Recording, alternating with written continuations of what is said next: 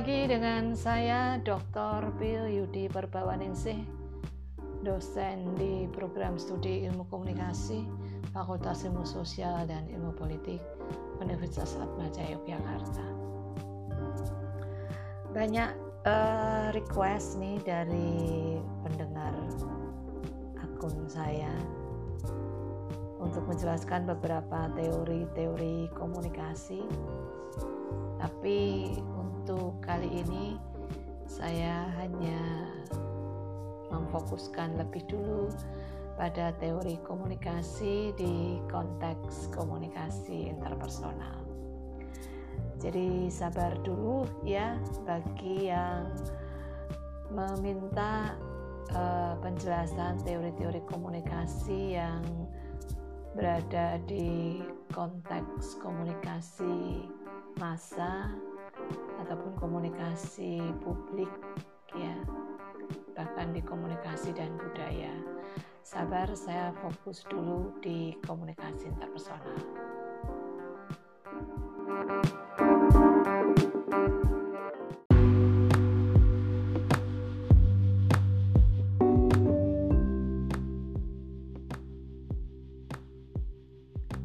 kita akan membahas tentang teori pengurangan ketidakpastian ya. Ini merupakan salah satu teori dari sekian banyak teori komunikasi di konteks komunikasi interpersonal.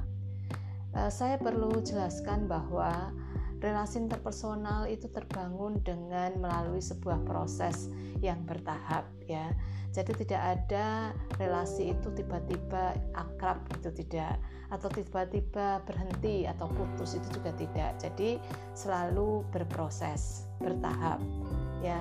Dan tahap awal perkembangan eh, relasi interpersonal itu adalah tahap perkenalan, tahap bertemunya dua orang yang tidak saling kenal dengan demikian tidak juga saling tahu. Nah, ketidaktahuan ini membuat orang merasa tidak pasti untuk memberi makna pada uh, simbol verbal dan nonverbal yang diberikan orang lain kepada kita. Dan dalam kondisi ketidakpastian yang tinggi, tentu kita akan merasa sangat tidak nyaman. Nah, jadi teori ini akan menjelaskan apa yang terjadi ya ketika kedua orang yang tidak saling kenal ini terpaksa dalam tanda petik ya bertemu, bertatap muka dan berkomunikasi.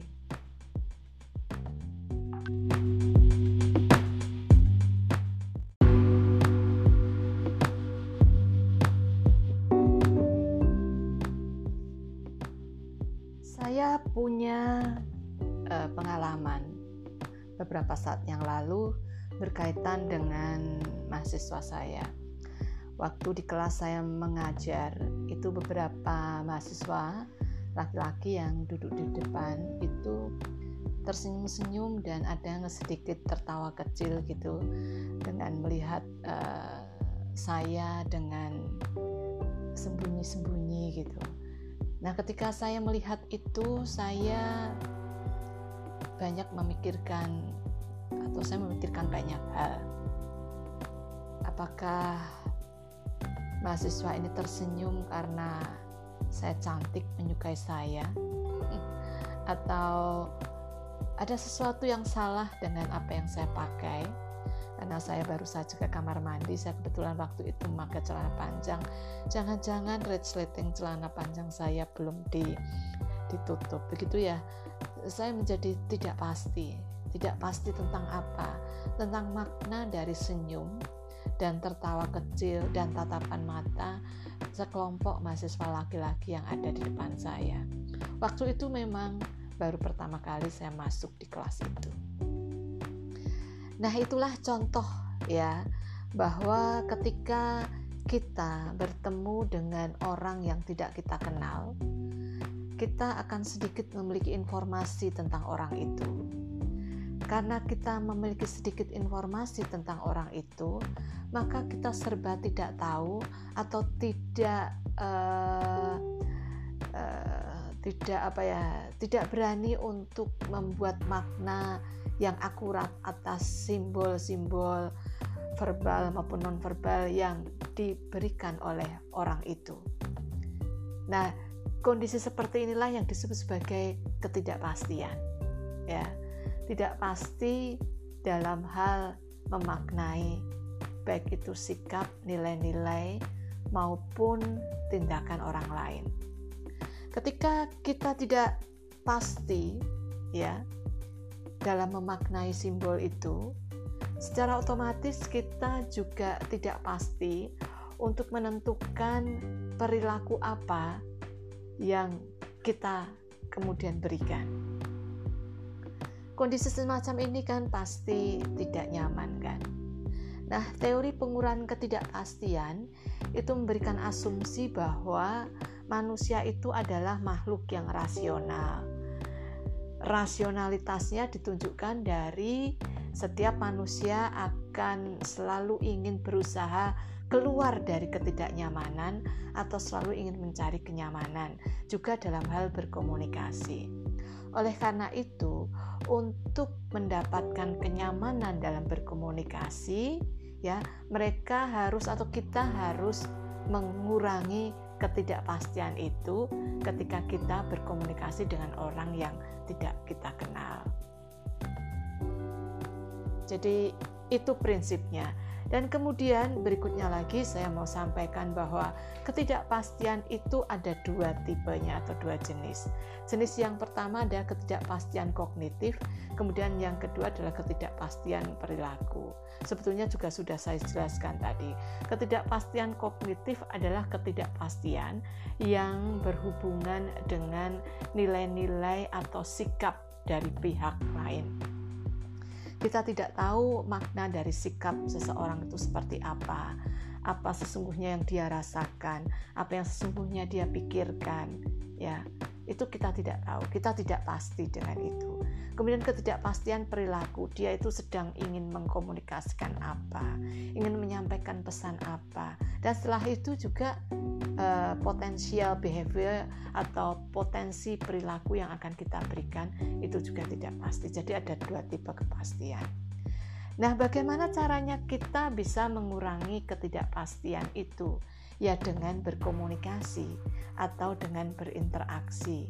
Dengan melakukan komunikasi dan interaksi, maka kita akan memiliki sejumlah informasi, dan sejumlah informasi itu bisa kita pakai untuk meningkatkan kemampuan memprediksi kita, kemampuan kita memprediksi makna atas simbol verbal ataupun non-verbal dari pihak lain itu semakin banyak informasi yang kita terima, maka semakin mudah kita menduga apa yang disampaikan oleh pihak lain. Ya, tetapi bukan hanya persoalan jumlah jumlah informasi yang kita dapatkan, tetapi juga persoalan informasi apa yang kita dapatkan. Nah, kemudian sebetulnya juga sudah saya sebutkan tadi bahwa uh, ketidakpastian itu uh, akan berubah setiap saat. Semakin kita berkomunikasi, berinteraksi, semakin banyak informasi yang kita terima atau kita banyak tahu dengan orang itu. Otomatis maka menurut teori ini itu akan mempengaruhi atau menentukan tahapan hubungan jadi eh, teori pengurangan ketidakpastian itu sebetulnya fokusnya adalah pada tahap awal dari proses perkembangan relasi interpersonal. Namun kemudian juga dijelaskan bahwa ketika kita semakin banyak menemukan informasi atau mendapatkan informasi, maka prediktabilitas kita atau kemampuan kita memprediksi makna itu semakin baik. Ya. Kemudian dengan demikian kita akan mudah untuk uh, maju ke tahap relasi yang berikutnya. Sekian dulu ya. Penjelasan yang lebih lanjut pada segmen yang sesudah ini kita dengar cuplikan lagu yang cukup menarik. Oke. Okay.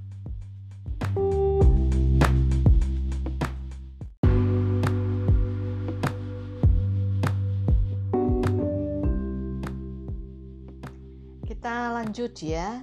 Uh, pertanyaan yang menarik muncul itu begini kalau kita berjumpa pada tahap pertama berkenalan di tahap pertama apakah itu kemudian akan berlanjut ke tahapan yang berikutnya atau tahapan yang lebih intim atau relasi itu kemudian akan berkembang. Saya eh, dulu pernah bertemu dengan uh, di sebuah perjalanan gitu ya. Itu bertemu ber, berkenalan dengan seorang cowok wajahnya mirip Afgan tadi ya. Cakep banget Afgan masih muda waktu SMA atau mahasiswa pipinya masih cabi masih gemuk gitu ya Nah, waktu itu saya berharap bahwa kalau saya mengikuti teori pengurangan ketidakpastian itu uh, kalau sudah berkenalan atau sudah melampaui tahap pertama, maka akan berlanjut ke tahap berikutnya.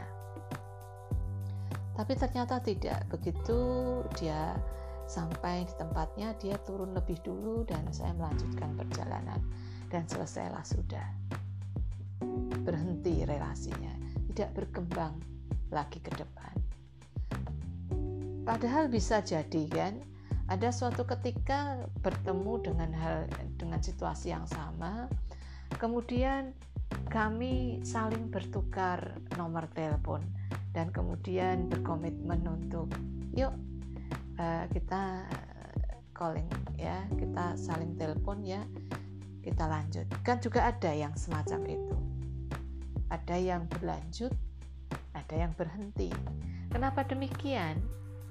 Nah, teori pengurangan ketidakpastian itu menyebutkan bahwa relasi interpersonal itu akan berkembang atau tahap satu itu akan berkembang meningkat menjadi tahap kedua, tahapan lebih intim dan lebih intim lagi.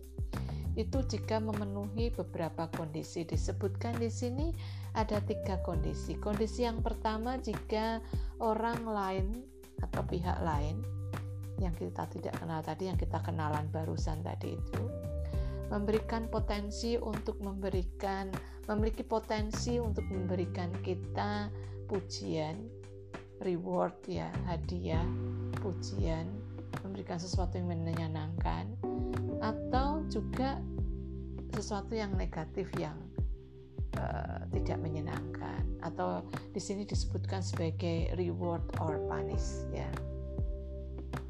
Sebagai contoh begini,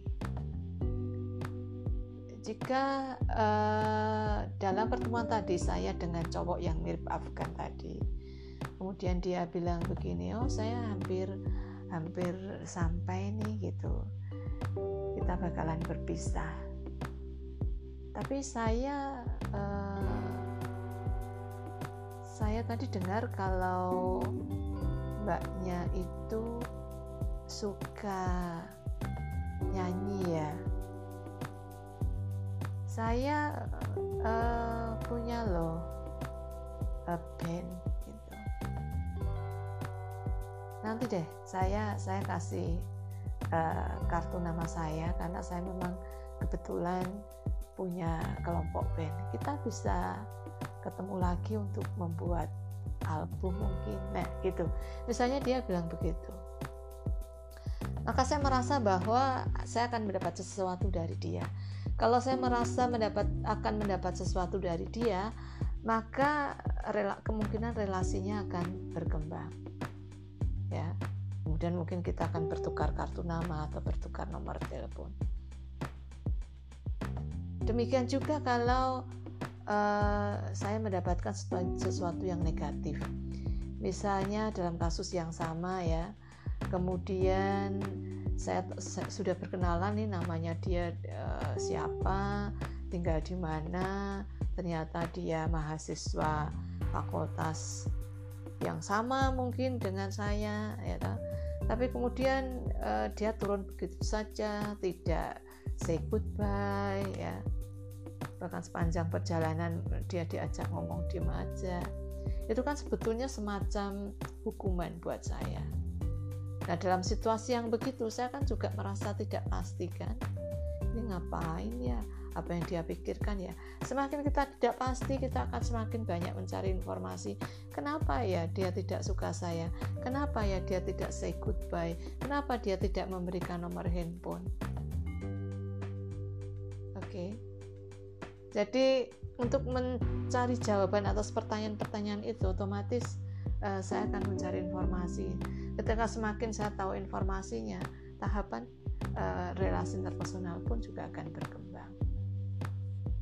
Nah itu uh, kondisi yang pertama. Kemudian kondisi yang kedua adalah um, jika orang lain itu berperilaku menyimpang dari harapan kita. Artinya uh, menyimpang dari dugaan-dugaan kita. Orang yang berperilaku gampang diduga atau gampang ditebak itu uh, tidak membuat kita pengen tahu lebih lanjut. Ya, karena semuanya sudah kita tahu, sudah kita tebak. Nah, kita nggak perlu cari informasi lagi ketika kita tidak ingin mencari informasi lagi, ya tentu tidak ada komunikasi, tidak ada interaksi. Karena tidak ada interaksi, ya stage uh, perkembangan hubungannya tidak ada. Jadi uh, di, di luar ekspektasi justru di, di luar dugaan atau kita tidak bisa menebak ini mau ke mana, ini artinya apa, itu ya. Kemudian kondisi yang ketiga adalah ini adalah adalah kondisi final jika ya orang tersebut atau saya dan orang itu sama-sama berharap untuk bertemu di kemudian hari atau punya potensi ketemu di kemudian hari.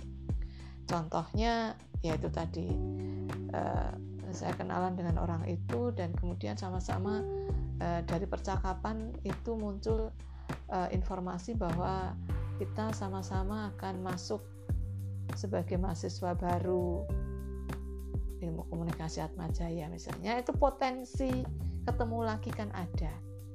Nah jika ada potensi bertemu lagi di, di kemudian hari itu kemungkinan uh, itu adalah salah satu kondisi di mana relasi interpersonal itu akan berkembang. Ya karena di situ ada aktivitas pencarian informasi kata kunci dari pencarian informasi itu atau information seeking itu merupakan hal yang ada di dalam teori pengurangan ketidakpastian.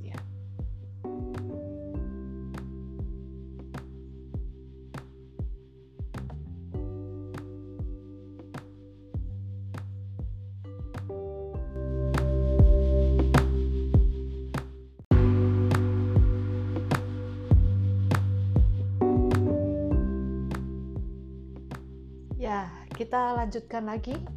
Kalau tadi secara umum saya sudah memberikan gambaran bahwa ketika dua orang bertemu saling asing ya saling tidak kenal itu maka akan membuat ketidakpastian yang tinggi tentang apa pun makna dari simbol verbal maupun non verbal.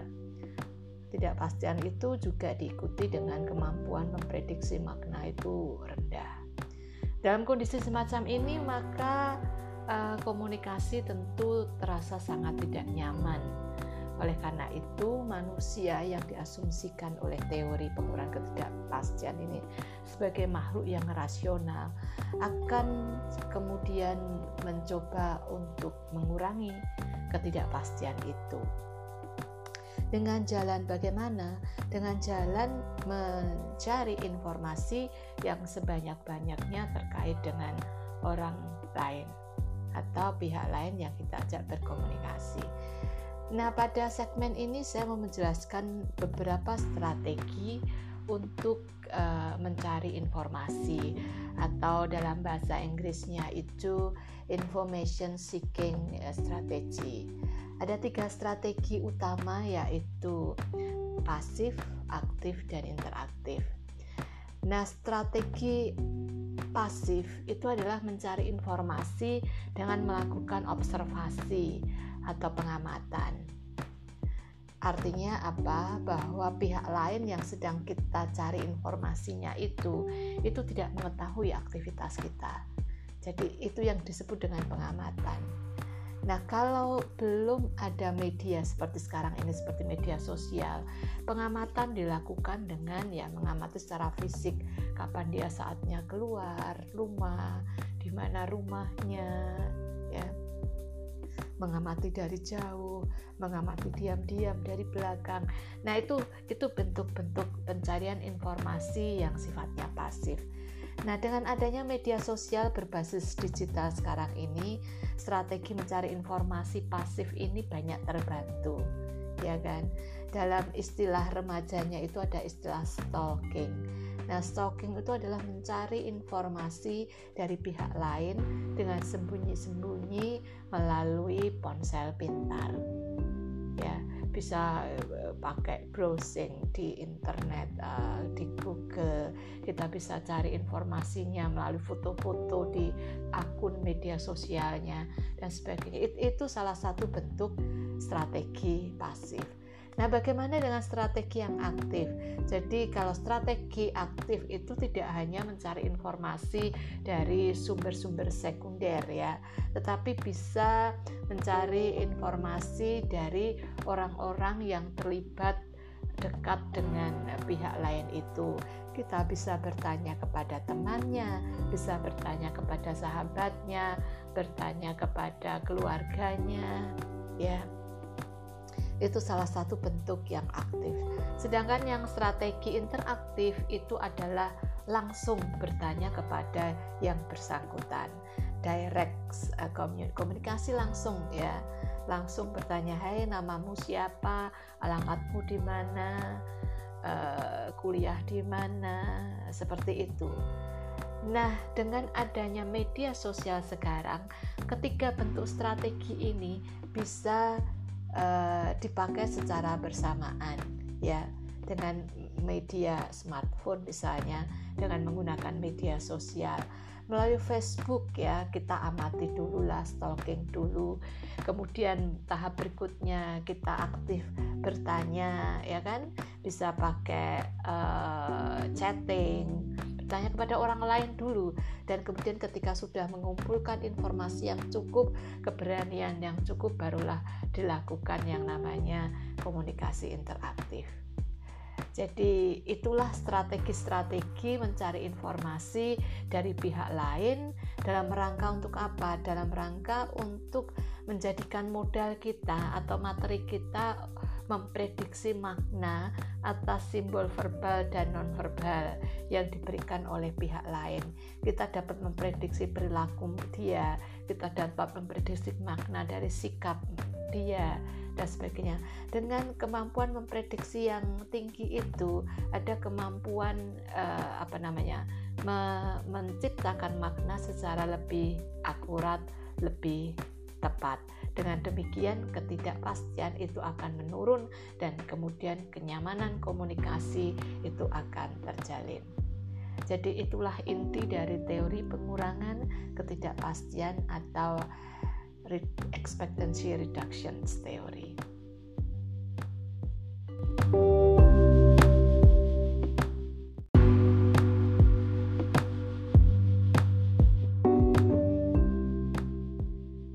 kita sudah membahas eh, secara umum tapi intinya dari teori pengurangan ketidakpastian saya perlu ingatkan lagi bahwa media digital sekarang atau media berbasis komputer sekarang ini uh, memberikan banyak sekali kemudahan kita untuk membangun relasi interpersonal. Karena dia membantu kita paling tidak dalam tahap pertama yaitu tahap uh, perkenalan, tahap mencari informasi. Untuk beberapa orang yang tidak berani ya secara langsung bertanya tentang uh, orang itu, ada uh, kita bisa cari informasi melalui media sosial yang kita sering sebut dengan istilah stalking. Akan tapi yang perlu di diingat ketika kita mencoba mencari informasi melalui media tidak ber ada kemungkinan besar informasi yang kita terima itu adalah informasi yang tidak akurat ya kan itu sekali lagi hati-hati media sosial itu uh, mampu memberikan informasi yang banyak sekali, tetapi di sisi lain juga bisa jadi informasi yang banyak itu tidak semuanya akurat. Oke, kita jumpa lagi dalam teori yang berikutnya. Semoga kalian paham.